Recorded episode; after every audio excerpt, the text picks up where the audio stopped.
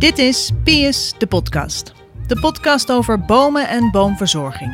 En over boomverzorgers. Zoals onze onvolprezen Jan-Willem de Groot. Ja, ik ben er klaar voor. En Pius de Eik natuurlijk. Die het nu al zo'n 300 jaar volhoudt aan de rand van het boerenerf. Eh, Toch? nou, nee, ik zal je wat vertellen. Ze hebben het hier volgebouwd. Ik sta nu middenin een speeltuin in een bloemkoolwijk. En dat is geen grapje. En dat op zijn oude dag. De boerderij, Foetsie. En weet je nog, dat bos waar mijn moeder in stond? Ook weg. Dag, mam. Alles verandert, maar Pius blijft staan waar hij staat.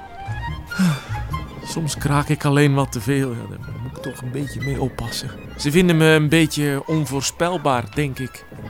En daar kunnen mensen niet tegen. Hè? Oei, ja, dat snap ik ook wel hoor. Een oude boom in een speeltuin. Voor je het weet, nemen ze het zekere voor het onzekere en lig ik om. Welkom luisteraar in de wereld van bomen op leeftijd. Als de takken gaan kraken en de zaag op de loer ligt.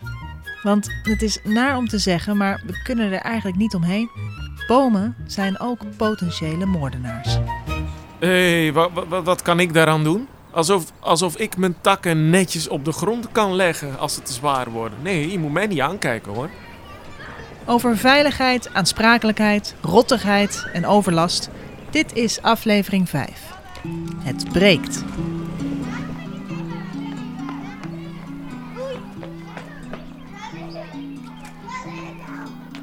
Kijk, ik, ik doe mijn best hè. Maar ik ben ook niet meer de jongste, dus ik laat wel eens wat vallen. Ik kan daar best mee leven. Maar nu heb ik dus al die kinderen onder mijn takken. Stel dat, hè. Stel dat. Het komt voor. Dat het op een mooie zomerdag hard waait en dat ik het gewoon niet houd. Ja, ik voel mij verder prima maar ik heb zo'n tak, eh, behoorlijk dik ook. en eh, ja, daar zit iets in. Iets dat zich vol zit te vreten. Het voelt wat ehm, rottig.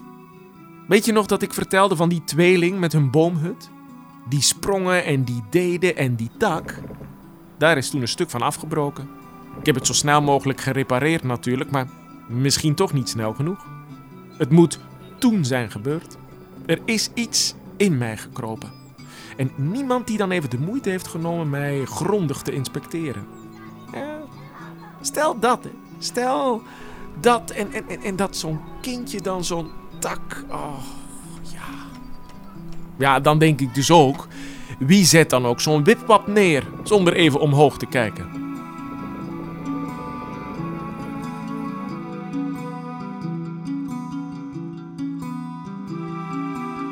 Voordat een tak of voordat een stam breekt, laat een boom dat bijna altijd zien in zijn lichaamstaal. Een boom is elk jaar een nieuwe boom over een oude boom heen. En je kunt je voorstellen als er bijvoorbeeld een holte zit in de boom, dan wil die boom wil dat overgroeien. Hij gaat extra houtweefsel maken op de plek waar die verzwakt is, waar de symptomen zitten. En op die manier kun je eigenlijk die boom lezen en zie je bijvoorbeeld dan een verdikking en weet je nou, daar zit mogelijk een gebrek. Komt de hamer, de houten hamer. Ja. Daar, daarmee ga je op de boom kloppen. Eenvoudige houten hamer.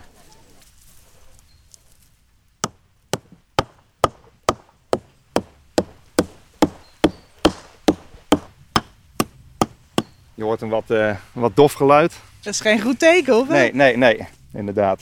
Hij is waarschijnlijk over de hele lengte is die enigszins hol. We staan hier eh, naast een paar hele oude beuken onder andere. Wat doffe klank. In een eh, prachtig park in Zeist. Die zullen zo rond de 80 jaar oud zijn. Achter deze Ja, bast ja, ja. zit waarschijnlijk holte. Ja. Ja, en als onderdeel van het boomveiligheidsonderzoek gaat onze collega Heer de Otter hier een onderzoek uitvoeren naar de breukvastheid van de stam. zit ongeveer een jaartje of 15 inmiddels in het vak. Eh, het echte onderzoekswerk in de huidige vorm doe ik een jaartje of zes nou ongeveer. Zouden we op de naastgelegen boom even kunnen Ja. kloppen om te horen wat het verschil is? Want dit is ook een Ook beuk. een beuk, ongeveer van dezelfde omvang, dezelfde leeftijd. Nou, als we hier, eh, Veel hoger. dat is een veel hogere klank. Dit is gewoon een, eh, een massieve, massieve, massieve stam.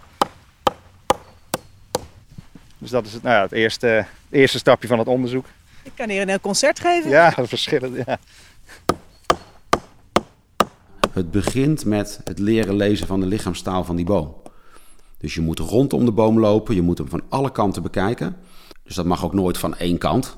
Er zijn voorbeelden bekend dat de bomen omgewaaid zijn met ernstige gevolgen, waarbij de controleur ja, maar één kant van de boom had gecontroleerd, terwijl aan de andere kant de wortels waren weggerot. Dus je moet rondom de boom lopen, je moet hem van alle kanten bekijken, waarbij het ook verstandig is om nog even eerst die boom van een afstand te bekijken, zodat je ook kunt zien hoe de conditie is in de kroon. En wat is er nou aan de hand in, uh, in dit park in Zeist met deze boom? Nou, bij deze beuk is een gesteltak op een hoogte van, ik denk, 4 meter ooit verwijderd. Een gesteltak, wat is dat? Ja, dit, in dit geval de onderste tak uh, van de boom, de eerst aangehechte tak. Het kan zijn dat die verwijderd is omdat die uh, overlast veroorzaakte boven de weg, of dat die misschien afgebroken is bij een storm. Maar het feit is dat er een hele grote snoeiwond zit en die snoeiwond is gaan inrotten. Het is toch wel een mooie boom, vind ik. Ja, nou ja, goed. Het is, hij staat in een oud park, mooi aan de rand, in een rij met, uh, met wat andere bomen. Dus het, uh, ja, het zou zonde zijn als die, uh, als die wegvalt. Het is gewoon weer een, weer een beuk minder. Er verdwijnen er best wel wat de laatste jaren. Ja. Onder andere door de droogte en nou ja, misschien wat klimaatsverandering al. Dus ja, vandaar dat we hem gaan onderzoeken of hij nog een tijdje mag blijven staan. Als we naar de kroon kijken, zie je al dat hij heeft wel wat blad laten vallen, wat doodhoutvorming. Op een meter of vier hoogte is uh, een vruchtlichaam zichtbaar van een platte tonderzwam. Ach, ach jee, arme beuk. De platte tonderzwam. Dat is de piraat onder de paddenstoelen. Ik verwacht dat, uh, nou, wat we in het begin al zeiden, de, die tak is ooit verwijderd. Daar is een sporen van een schimmel, die is geïnfecteerd geraakt. De schimmel, de rotting, die heeft zich naar beneden toe uitgebreid. Waardoor waarschijnlijk de hele stam, dus vanaf die 4 meter hoogte, misschien nog wel hoger, de top nog in. En naar beneden toe uh, ja, een rotting heeft veroorzaakt in het kernhout van de, van de boom. De platte tonderzwam, grote houtzwam, heet in de volksmond ook wel tondelzwam, omdat het licht ontvlambare gedroogde vruchtvlees vroeger werd gebruikt om vuur mee te maken tast het kernhout van bomen aan en veroorzaakt daarbij witrot. Die eet de boom eigenlijk op? Ja, die, uh, die maken gebruik van het levende hout van hun gastheer. Houd ramen en deuren gesloten met de tonderzwam in de buurt. Of in mijn geval, hou je bast heel als je hout je lief is. Kijk, zijn functie is in deze boom vooral het, het, het laten afsterven, het, uh, um, het, het aantasten van het, van het hout. En daarmee biedt het ineens een, een plek voor bijvoorbeeld heel veel insecten. Um, en die insecten worden weer gegeten door, uh, door zoogdieren, door vogels. Uh, en ga zo maar door. De tonderzwam als een soort kok die, die soort van eten bereidt voor allerlei gasten. En het eten is dan helaas de boom. Ja, de, de, deze tonderzwam als onderdeel van het ecosysteem. Ja, dat is allemaal prachtig natuurlijk, maar die beuk die zit er wel mee, hè? En ik misschien ook. Zeg, hoe ernstig is het eigenlijk met hem gesteld? Ja, hij wordt er niet beter op. Ook die, uh, die schimmel, of die paddenstoelen om het zo maar eens te zeggen, die worden ook steeds groter. En de takken, die zijn toch tamelijk hol hoor, als ze naar beneden komen. Nee, nee, dat klinkt niet best. Maar wie bent u? Kremers, met een C. C-R-E-M-E-R-S. U kijkt hierop uit, hè? Dit is, dit is ja. uh, uw uitzicht, deze boom. Ja. U woont hier. Ja. Ach, de ja. buurman van de beuk. En u zegt, uh, hij wordt gevaarlijk. Ja. Op een gegeven moment is gewoon die, die, die twee takken uh, gewoon afgescheurd. En uh, niet met storm of zo, maar gewoon als, je, als je hier loopt, en dan lopen hier toch heel veel mensen, dan hij is gewoon naar beneden gekomen. Ja, heeft het zien gebeuren? Ja, ja. Ja, één keer wel en de andere keer niet. De andere keer hoorde ik wat en dan lag hij. En dat overleef je niet hoor, als, uh, als die tak naar beneden komt.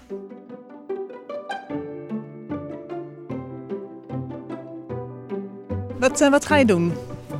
Uh, nou ja, we hebben nu het, het, probleem eigenlijk gelokaliseerd. Dus, dus ik ga hem nou de piekers installeren. Piekers geluidstomograaf.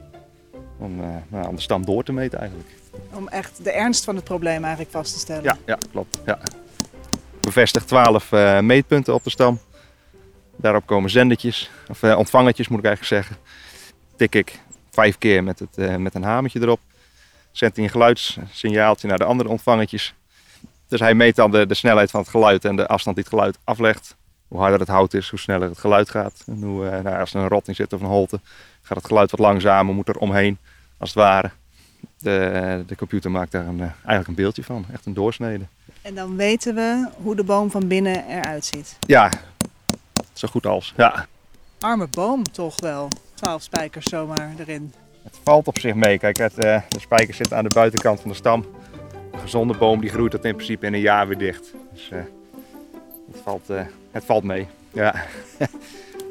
Kijk, in de regel mag een boom 70% hol zijn. Dat is veel. Ja, als ik dat eh, aan mensen uitleg, dan zeggen ze 70%. Dat is enorm hol. Maar ik vergelijk het wel eens met bijvoorbeeld eh, ja, mensen die vissen, die hebben een hengel. Of mensen die in de stijgenbouw werken, ja, die, die, die stijgenbuizen, die zijn ook hol. Maar stijgerbuis is gemaakt van metaal. Ik bedoel, hout is toch een ander materiaal? Ja, hout is absoluut een ander materiaal, maar ik denk dat we niet moeten onderschatten hoe sterk hout is. Het is niet voor niks dat we ook eh, steeds meer zien dat hout gebruikt wordt in de bouw.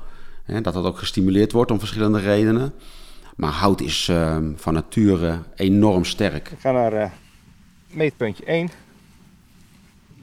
Tik ik met, eh, met de hamer vijf keer, nou, vrij zachtjes op zich, met, op, op het spijkertje. Nou, als het gaat om de breukvastheid, ehm, is de piekersluistomograaf echt wel het meest moderne apparaat dat we toepassen.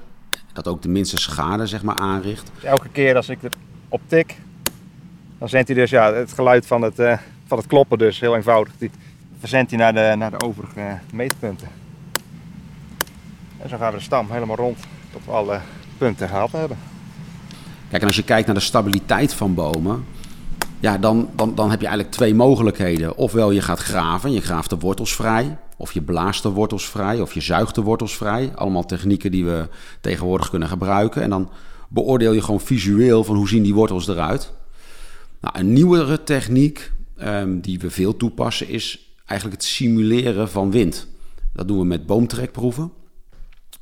Enerzijds kan dat door letterlijk aan een boom te trekken en met sensoren te meten ehm, in hoeverre de wortelplaat, de wortels, zeg maar, eh, onder een bepaalde hellingshoek komen. In als dat- in hoeverre je hem dus omtrekt. ja, ja, in hoeverre je hem echt letterlijk omtrekt. En dat doen we natuurlijk niet door heel hard aan die boom te trekken. Maar met heel weinig data die we extrapoleren, kunnen we dan een uitspraak doen over, nou, wat zou er nu eigenlijk gebeuren als het hier windkracht 10 was?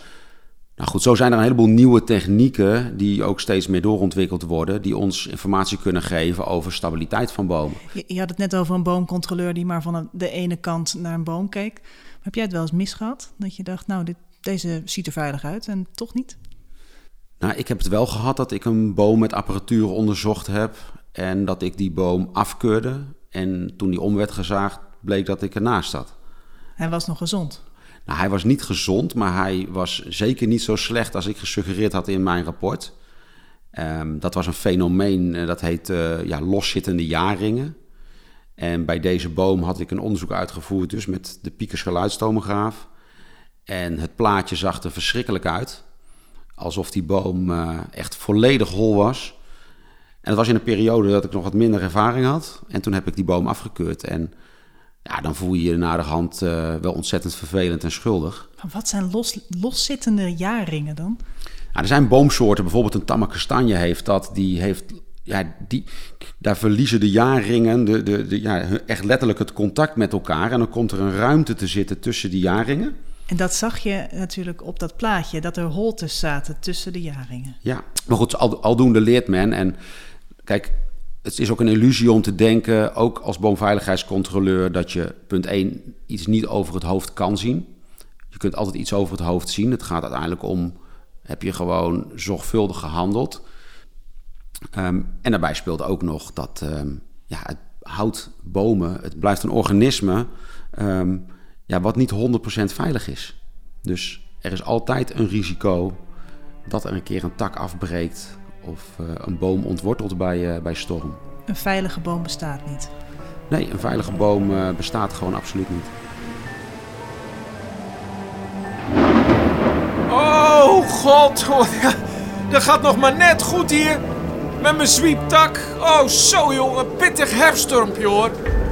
Gelukkig, gelukkig ben ik al wat kaler. Nu vang ik niet te veel wind. Even checken. Niemand op de wipwap. Nou dat begint wel wat nijpend te worden hoor. Kom die tak nou even controleren. Zit er nou schimmel in of niet? Het kan me niks schelen dat hij eraf moet. Dat zien we dan wel weer. Alles liever dan een drama met een dreumes.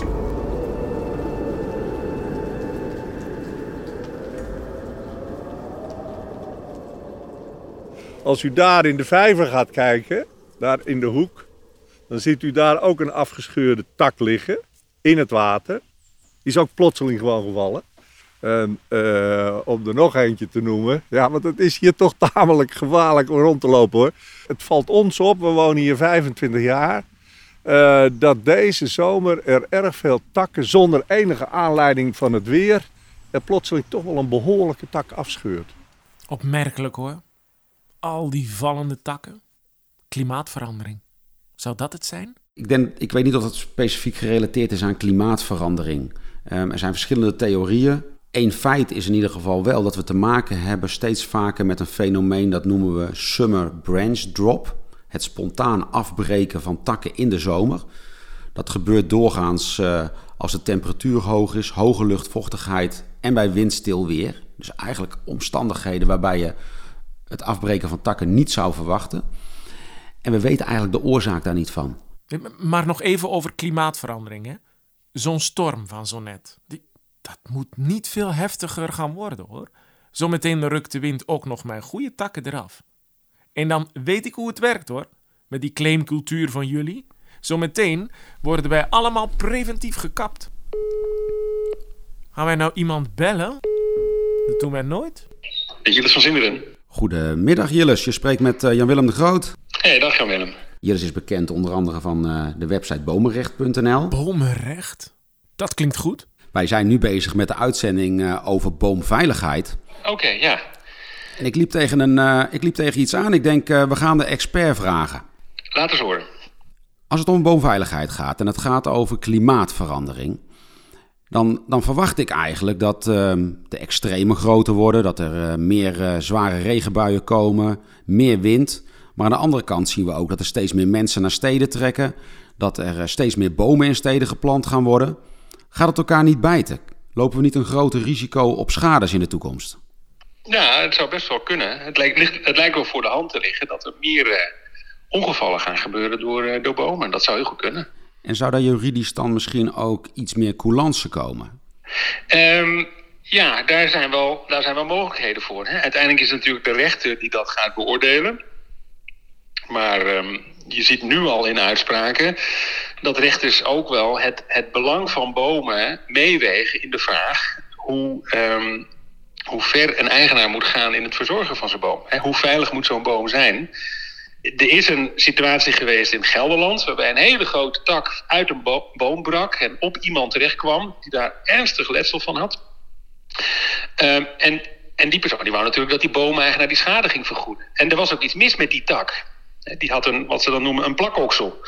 En die, die persoon zei natuurlijk van ja, er was iets mis met de tak. En je, je hebt daar als provincie niks aan gedaan, maar je had wel wat kunnen doen. Dus vergoed mij mijn schade maar. Je hebt niet goed voor je boom gezorgd. Lijkt me een goed punt. Maar dan zeiden alle rechters in die procedure zeiden. Als je gaat verlangen dat alle gebreken die een kleine kans opleveren voor schade, dat die, dat die weggenomen moeten worden, dan gaat dat heel veel geld kosten. Want dan moet de provincie niet alleen deze boom, maar alle bomen in haar bestand moeten ze dan ineens al die kleine gebreken wegnemen of veilig maken. En als dat geld er niet is, dan zegt zo'n provincie natuurlijk, ja, dan is het goedkoper voor ons om die bomen met zo'n klein probleempje om die dan maar om te hakken, om maar te voorkomen dat er een, hè, dat, dat, dat, dat, dat ongeval ontstaat. Maar hoe groot is nou eigenlijk de kans op zo'n ongeval? Dat net iemand tijdens een hele zware storm precies daar op de weg rijdt en die tak exact op de auto valt. Willen we in een maatschappij leven waarbij we dat soort risico's uitsluiten? Nou ja, dan zal dat ten koste gaan van heel veel bomen. En dat heeft ook de, het Hof in die zaak gezegd. Of zeg je van nee, ja, dit is nou eenmaal iets wat bij het leven hoort. We vinden, en dan staat ook uitdrukkelijk in dat we het belangrijk vinden dat in onze maatschappij bomen staan. Want die zijn ja, goed voor, uh, voor, de, voor de leefomgeving. Ah, nou dat is nou fijn om te horen. En, en als dus dat belang van bomen nog groter wordt, dan is de keerzijde daarvan dat we dus ook moeten gaan accepteren dat er misschien meer schade gaat ontstaan of meer ongevallen gaan gebeuren. Nou, dat, dat wordt dan nog wat. Maar ik heb ook nog een vraagje, meneer de advocaat. Ik sta dus nu al een tijdje in een speeltuin, hè? Ik, ik ben een gemeenteboom geworden. dan moet die gemeente toch regelmatig in mijn takken klimmen om te zien hoe het met me gaat. Dat, die heeft toch een zorgplicht, zo heet dat toch? Het zorgplicht is al een beetje een gek woord eigenlijk. Want er staat nergens in de wet dat je voor je boom moet zorgen. Je mag best wel ervoor kiezen om die boom zijn gang te laten gaan. Eh, die groeit wel en die ontwikkelt zich en die zal eens een keer een tak verliezen. Maar dat mag je, dat mag je zelf beslissen als, eh, als eigenaar.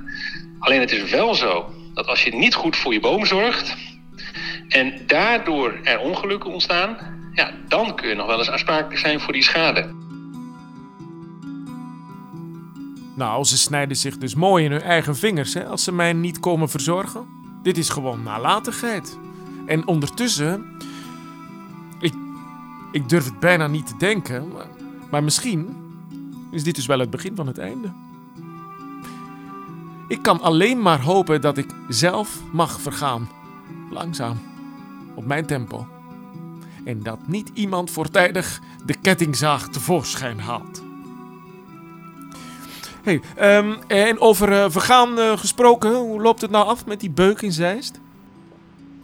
Ik heb het beeld nou overgebracht op de computer. Dus het softwareprogramma van Piekers. Druk op het knopje om te berekenen. Nou, dan zien we hier de, de doorsnede van de boom. Donkerbruin slash zwart is uh, nou ja, gewoon echt gezond hout. En blauw is een holte of een rotting die we al, al konden horen met het kloppen. Nou, dan is het goed te zien dat het daar nog ruimschoots binnenvalt. Dus hij is nog niet voor twee derde hol. Dus dat is oké.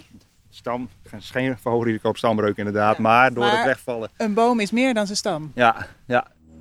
Laten we er even bij pakken om te kijken hoe de situatie is uh, ter hoogte van de, van de zwam.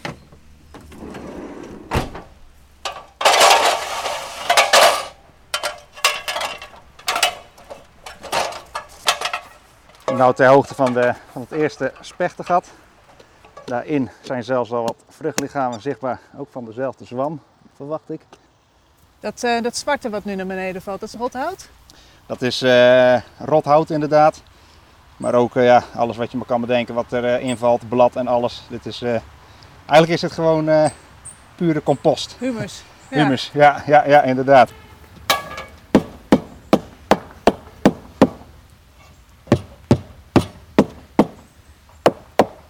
Hier is duidelijk hoorbaar dat hij uh, heel erg hol is. Ik ben nu boven de ingerotte snoeiwand aan het kijken. En ik zie hier dat de zwam ook overduidelijk uh, het stamhout heeft aangetast. We hadden al vastgesteld dat er ja, geen verhoogd risico was op stambreuk. Maar nu we daar de, ja, wat meer in hebben gezoomd op de takken, blijkt het toch wel degelijk een probleem te zijn. Of echt een verhoogd risico op takbreuk. de, de aanbeveling wordt om hier de, de boom flink te snoeien.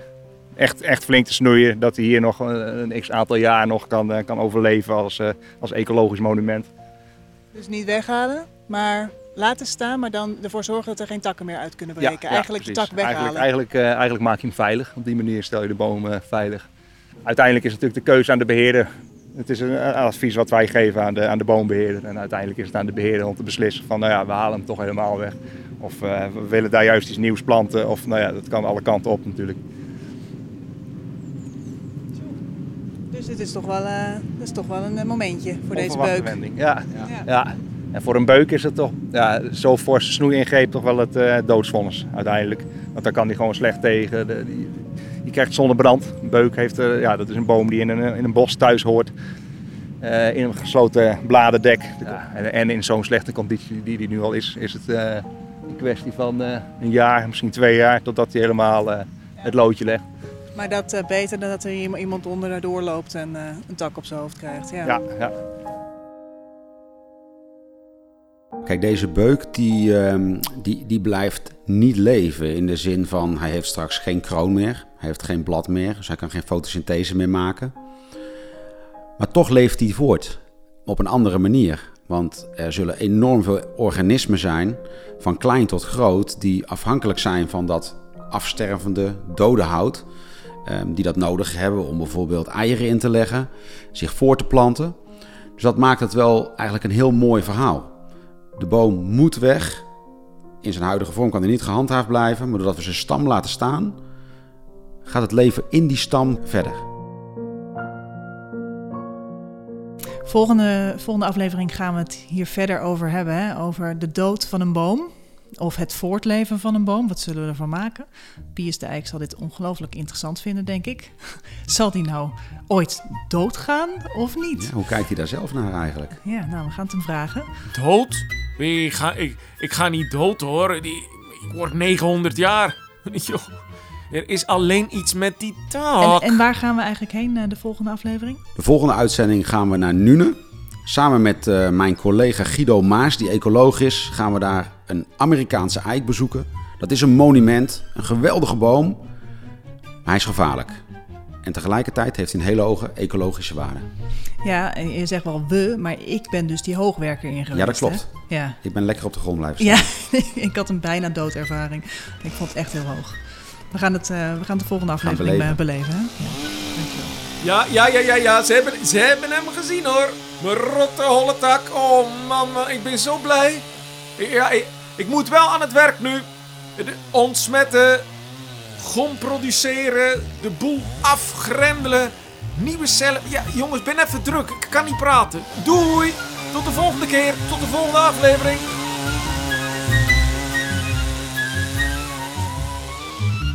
Dit was de vijfde aflevering van Pius de podcast. Aan deze aflevering werkten mee Jan-Willem de Groot van Pius Floris Boomverzorging, European Tree Technician Hidde Otter, bomenrechtadvocaat Jillis van Zinderen, veel dank, en ook dank aan de buurman van de Beuk, de heer Kremers. De stem van Pius de Eik wordt vertolkt door Thijs Huis. Presentatie en edit door Eliane Meijer. Muziek onder andere van Julian Haidt, Britse boomkenner en componist en muzikant. Eindmontage door Alfred Koster. Piers de Podcast is een productie van Joost Wilgenhof en Eliane Meijer van Bas de Bomen Podcast. Voor Piers Floris Boomverzorging. Wil je meer weten over boomverzorging of over de podcast? Kijk op www.piersfloris.nl.